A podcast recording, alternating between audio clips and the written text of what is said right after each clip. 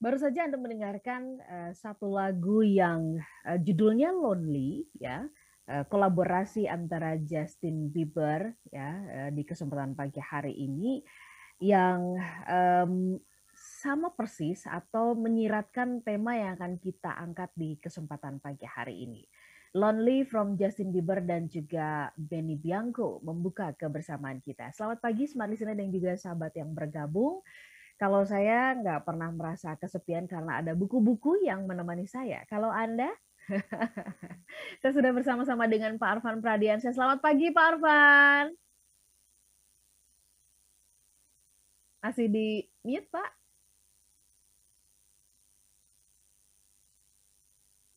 Selamat pagi Mbak Ola, apa kabar hari ini? Alhamdulillah. sehat ya Pak Arfan ya? Alhamdulillah sehat ya Mbak Ola. Oke, baik. Nah, uh, sebelum kita mulai membahas mengenai antara sepi, kesepian, dan menyepi, uh, semua kata dasarnya adalah sepi begitu ya. Sepi, menyepi, kesepian gitu kan. Anda ada di antara yang mana nih, di antara tiga yang ini? Kita akan bahas itu uh, selama satu jam ke depan. Tapi uh, dari lagu ini dulu, di bagian mana yang Pak Arfan ingin memberikan penekanan. Karena memang kalau dari cara menyanyikan, nadanya gitu ya, ini kok kayaknya orang yang kesepian banget gitu ya. Silakan Pak Arfan. Ya, terima kasih banyak Mbak Ola ya. Kalau Justin Bieber dalam lagu ini itu uh, betul-betul dia bukan menyepi tapi kesepian ini. Ini udah sangat, sangat clear sekali gitu ya. Iya. Jadi uh, lagu ini bercerita tentang seseorang yang merasa kesepian padahal dia memiliki segalanya. Ya. Dia punya uang, popularitas, kemudian akses gitu ya untuk mendapatkan apa pun yang dia inginkan. Ya. Tapi sayangnya dia merasa tidak ada orang yang benar-benar peduli dengan dirinya gitu, Mbak Ola. Hmm. Jadi nanti kita akan lihat bahwa akar dari kesepian itu sesungguhnya adalah itu. Ketika kita hmm, hmm, hmm. putus uh, hubungan kita yang uh, intim dengan orang lain ya, Mbak Ola ya. Jadi mari kita lihat uh, lagu dari uh, Justin Bieber ini ya. Jadi dia bilang begini. Everybody knows my name, but something about it still feels strange. Uh-huh. Semua orang tahu namaku, tapi itu terasa aneh. Dia bilang begitu. Like looking in a mirror, trying steady yourself, and seeing somebody else. Seperti melihat cermin, mencoba untuk menguatkan dirimu, tapi engkau malah melihat orang lain di cermin itu gitu. Uh-huh. And everything is not the same now. Dan kini semuanya tidaklah sama, ya. It feels like all our life have changed.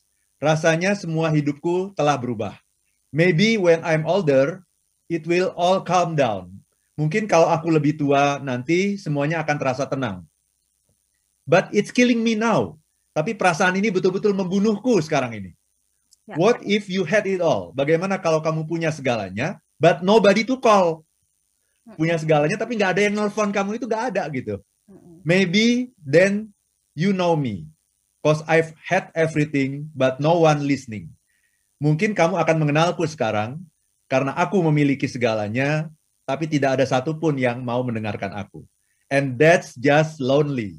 I'm so lonely. Lonely. Ya, dan itu hanya kesepian. Aku sungguh-sungguh kesepian. Sepi. Ya, kira-kira begitu, Mbak Ola. Oke, okay.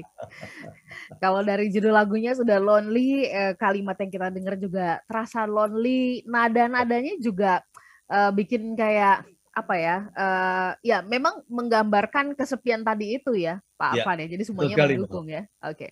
Baik antara sepi, kesepian dan juga menyepi ini juga memang uh, relate dengan uh, baru kemarin kita merayakan Hari Raya Nyepi ya buat eh, sahabat-sahabat yang merayakan Hari Raya Nyepi tentu ini punya makna bukan kesepian begitu ya bukan iya. juga uh, seolah-olah sepi saja begitu tetapi memang uh, dikhususkan waktu itu untuk uh, memeriksa diri ya kalau Betul. kalau uh, buat teman-teman kita yang merayakannya.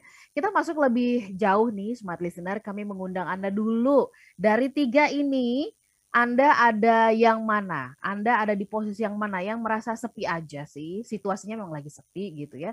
Atau Anda kesepian, atau Anda memang lagi mengambil waktu untuk menyepi, karena ini kan berbeda ya. Silakan Anda boleh sharing ke 0812 11 12 959 ke WhatsApp atau juga Anda bisa uh, akses kami melalui YouTube di kanal Smart FM. Kami juga sedang live di Facebook. Anda bisa live chat di sana.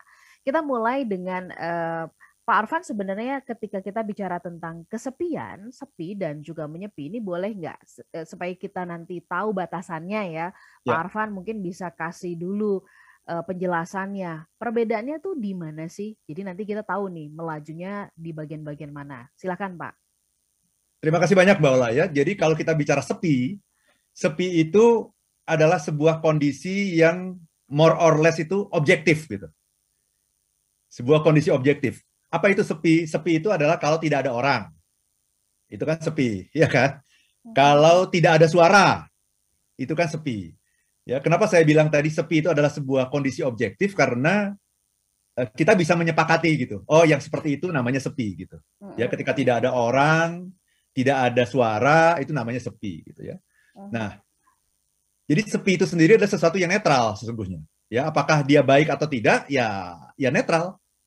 Ya dia adalah sebuah situasi sebuah kondisi di mana orang dari mana pun akan mengatakan oh kalau nggak ada orang berarti sepi gitu. Hmm, oh hmm. kalau nggak ada suara berarti sepi. Itu kondisi objektif. Nah kalau menyepi nah ini menyepi itu adalah sebuah pilihan secara sadar gitu.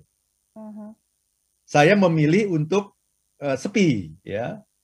Untuk menyepi itu secara sadar saya sengaja gitu saya berniat gitu ya karena saya melihat bahwa sepi itu indah. Nah sepi itu indah dan saya menikmati uh, berada dalam situasi sepi. Saya menikmati. Nah, itu namanya menyepi. Jadi memang sengaja karena bisa uh, kalau saya menyepi itu saya bisa berdialog dengan diri sendiri. Ya bisa melakukan yang namanya me time gitu. Dan inilah yang dilakukan oleh teman-teman kita ya yang uh, di Bali kemarin itu. Dan uh, saya ingin mengatakan begini Mbak Ola. Uh, tradisi menyepi ini sesungguhnya merupakan tradisi yang sangat bagus. Saya semakin lama semakin memahami gitu. Ini tradisi yang sangat bagus. Kenapa begitu? Karena uh, hari nyepi itu kan sesungguhnya adalah hari uh, tahun baru ya. Uh-huh. Itu kan tahun baru Saka. Coba bayangkan teman-teman semua, merayakan tahun baru Tapi itu kan biasanya orang merayakan dengan apa? Berkumpul, ya Hmm. berpesta ya kan, ya. Hmm. bersenang-senang ya kan, hingar-bingar itu merayakan tahun baru kan. Nah, tetapi teman-teman kita di Bali dan ini hanya di Bali loh Mbak Ola. Hmm. Karena tadinya saya menyangka kan eh, komunitas Hindu terbesar di dunia itu kan ada di India ya. Betul. Yang menarik di India, India itu tidak ada tradisi nyepi. Jadi orang Hindu di India itu ketika dia merayakan tahun baru Saka itu dengan berpesta. Seperti halnya kita biasa merayakan tahun baru. Ya, gitu. Ya. Tapi ternyata hanya di Bali loh. Jadi ini sesuatu yang uh, sangat khas Indonesia, sangat khas Bali, dan mestinya ini bisa masuk dalam uh, Guinness Book of Record gitu ya. Karena ini luar biasa. Hanya ada satu-satunya di muka bumi ini hanya ada satu-satunya di Bali. Ya, karena komunitas Hindu itu sebetulnya banyaknya di India, tapi di di India itu seperti biasa. Tahun baru Saka itu diperingati dengan pesta dan sebagainya gitu. Jadi ini saya kira sebuah tradisi yang uh, perlu kita apresiasi begitu ya bahwa merayakan tahun baru itu kan dengan cara apa? Diam, hening, ya kemudian refleksi. Nah, sehingga kalau di Bali itu saya saya pernah tuh beberapa tahun lalu pas pergi ke Bali pas hari nyepi pak. Jadi suasana tuh sepi, betul ya. Di hotel juga di di hotel tuh uh, listrik mati gitu ya nggak bisa ngapa-ngapain. Tapi jadi saya jadi masuk ke dalam diri sendiri. Kenapa? Itu situasi yang memaksa kita gitu kan? Nggak boleh bekerja nggak boleh bepergian nggak boleh menyalakan listrik nggak boleh bersenang-senang. Nah itu. Itu akhirnya apa? Memaksa saya semalaman itu selama 24 jam itu ya masuk ke dalam diri karena nggak nggak ada pilihan yang lain gitu mbak Ola. Jadi ini ini adalah yang namanya menyepi. Jadi menyepi itu adalah karena kita merasakan bahwa sepi itu adalah sesuatu yang indah. Dan kita ingin menikmati itu kita ingin masuk ke dalamnya. Kita ingin mempunyai me time gitu Oke. Okay. Seperti Baik. itu, Mbak. Pak Arfan, kita akan jeda dulu sebentar ya. Uh, kita lanjutkan nanti bahasanya di sesi yang berikutnya. Kita tajamkan kalau begitu yang kesepian itu uh, seperti apa dan ya, kenapa ada banyak orang di tengah keramaian saat ini bisa sangat merasa kesepian ya. Kita sambung bahasanya Smart Listener tetap bersama dengan kami. Kami jeda sesaat. Sepi adalah suasana atau kondisi yang itu sama-sama uh, bisa kita sepakati ya. Tidak ada orang, barangkali mungkin tidak ada uh, suara apa-apa saja begitu ya, bahkan suara jangkrik pun nggak ada begitu, sepi ya. Uh, menyepi adalah pilihan secara sadar. Kita akan gali ini lebih dalam lagi dan yang soal kesepian ini saya mintakan Pak Arfan ya untuk bisa menceritakan atau bisa menjelaskan karena kita sering kali merasa aduh kesepian banget nih gitu ya atau jangan-jangan sebenarnya ketika kita mengatakan kesepian itu sebenarnya adalah hanya suasananya yang sepi begitu. Kita minta penjelasannya Pak Arfan supaya nanti kita bisa tajamkan di masing-masing poin-poin ini. Silahkan Pak Arfan. Terima kasih banyak Mbak Ola ya. Jadi um, kalau tadi ya sepi itu sesuatu yang netral gitu. Ya sepi itu adalah situasi, kondisi yang bisa dilihat secara objektif. Ya, jadi tidak ada ya hal yang positif atau negatif mengenai sepi. Sepi adalah sepi, ya. Nah, ada orang yang melihat sepi itu indah gitu. Sepi itu beautiful gitu ya. Nah, itulah orang-orang yang kemudian melakukan pilihan menyepi. Ya, karena menyepi itu kontemplasi, merenung itu bisa melahirkan banyak kreativitas loh Mbak Ola, ya. Saya itu minimal sekali seminggu itu menyepi, sekali seminggu. itu setiap malam Jumat Mbak Ola. Oh, oke. Okay. Malam Jumat ya. justru menyepi ya? Menyepi, bukan bukan karena apa-apa, karena ya. malam Jumat itu mau mempersiapkan smart happiness. jadi mendalami gitu ya Pak? Mendalami ya. Jadi setiap malam Jumat tuh saya nggak mau diganggu oleh acara apa pun, oleh webinar apa pun. Pokoknya saya waktu saya adalah untuk uh, menyepi ya selama setelah makan malam tuh biasanya ya jam 7 sampai jam 10 gitu. Selama tiga jam itu saya menyiapkan acara ini Smart Happiness gitu ya dan itu membutuhkan sebuah kondisi yang memang harus tenang harus nggak dengar suara apa pun berdialog dengan diri sendiri gitu karena saya ingin menyampaikan sesuatu yang penting dan uh, menginspirasi uh, anda semua gitu teman-teman ya jadi itu memang dipilih secara sadar gitu ya itu namanya menyepi me time gitu ya nah kalau kesepian nah ini adalah sebuah penderitaan sesungguhnya ya sebuah penderitaan uh, karena uh, kita kurang merasa connect dengan orang lain gitu. Intinya inti dari kesepian itu sebetulnya adalah connection.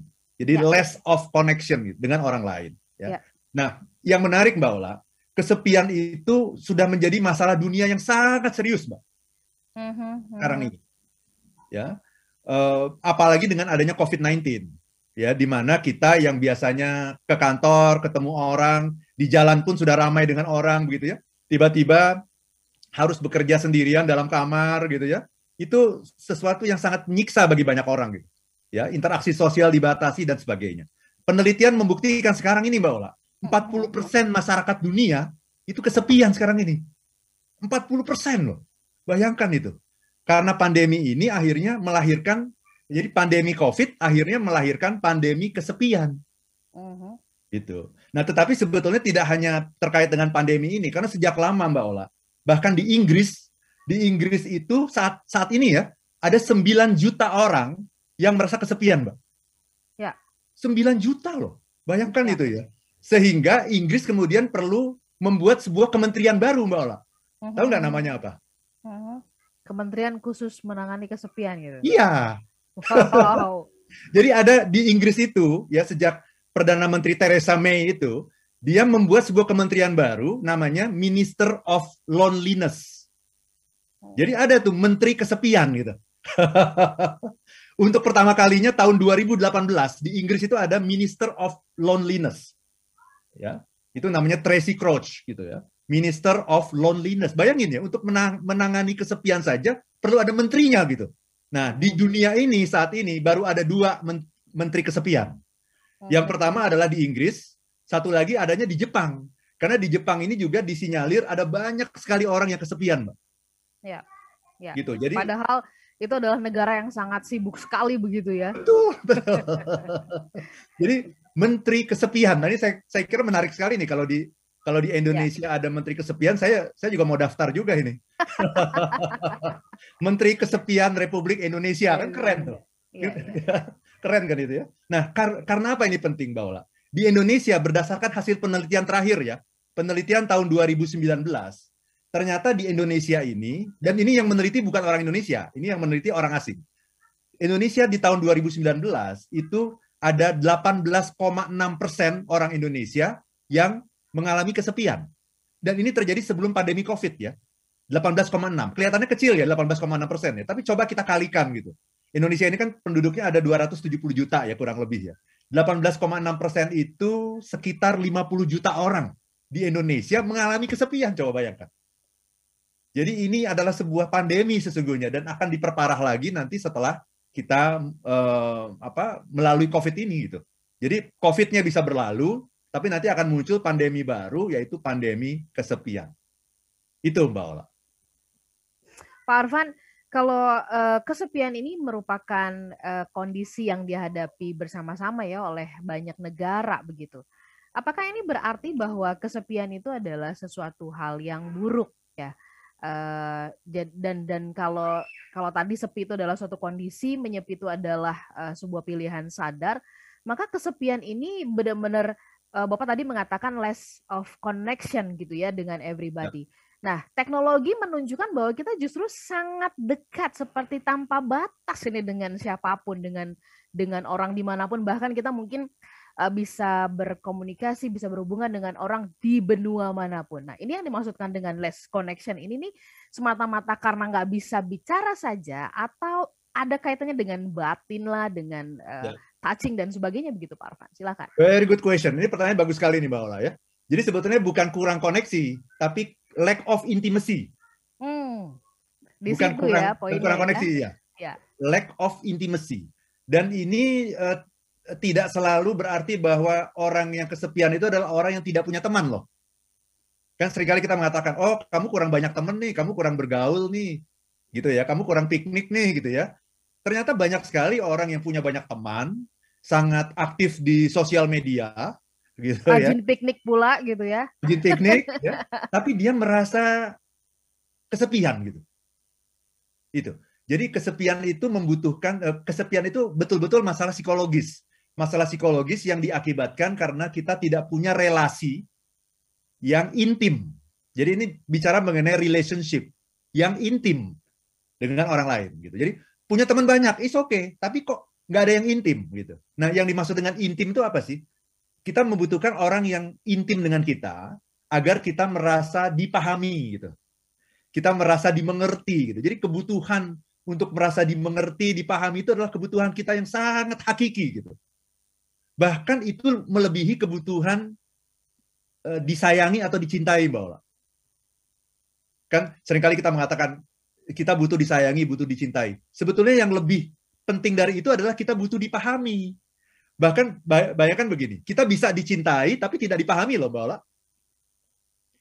Pernah dengar nggak seorang anak yang mengatakan begini, aku tahu sih papa dan mama mencintai aku. Papa dan mama menyayangi aku. Tapi papa dan mama tidak memahami aku. Pernah dengar nggak begitu? Ya, pernah Jadi, dengar dan pernah lihat ada situasi yang seperti itu di depan. aku disayangi, aku dicintai, tapi papa dan mama tidak mengerti aku, aku tidak dimengerti. Nah itu. Bahkan kebutuhan untuk dimengerti, kebutuhan untuk dipahami itu melebihi kebutuhan untuk disayangi dan dicintai, melebihi. Nah, itulah yang ingin kita dapatkan dari orang, dari orang-orang yang ada di sekitar kita gitu. Kita harus menemukan orang yang seperti itu. Jadi punya banyak teman, tapi tidak berarti kita dimengerti, dipahami. Tidak berarti kita punya intimasi gitu dengan orang itu. Jadi Itulah definisi saya mengenai yang namanya meaningful relationship. Jadi relationship kita sama orang itu harus meaningful. Apa itu ya. meaningful? Ya. Dalam, bermakna gitu. Ya. Dan dia harus benar-benar bisa memahami kita sehingga kita bisa menampilkan diri kita yang asli gitu. Tidak ya. takut dihakimi, tidak takut dijudge gitu. Inilah ya. diri saya yang asli dan kamu bisa menerima saya. Itu. Okay. Itu kebahagiaan tertinggi itu ada di situ Baik. sesungguhnya dalam hubungan kita dengan orang lain, Mbak Ola.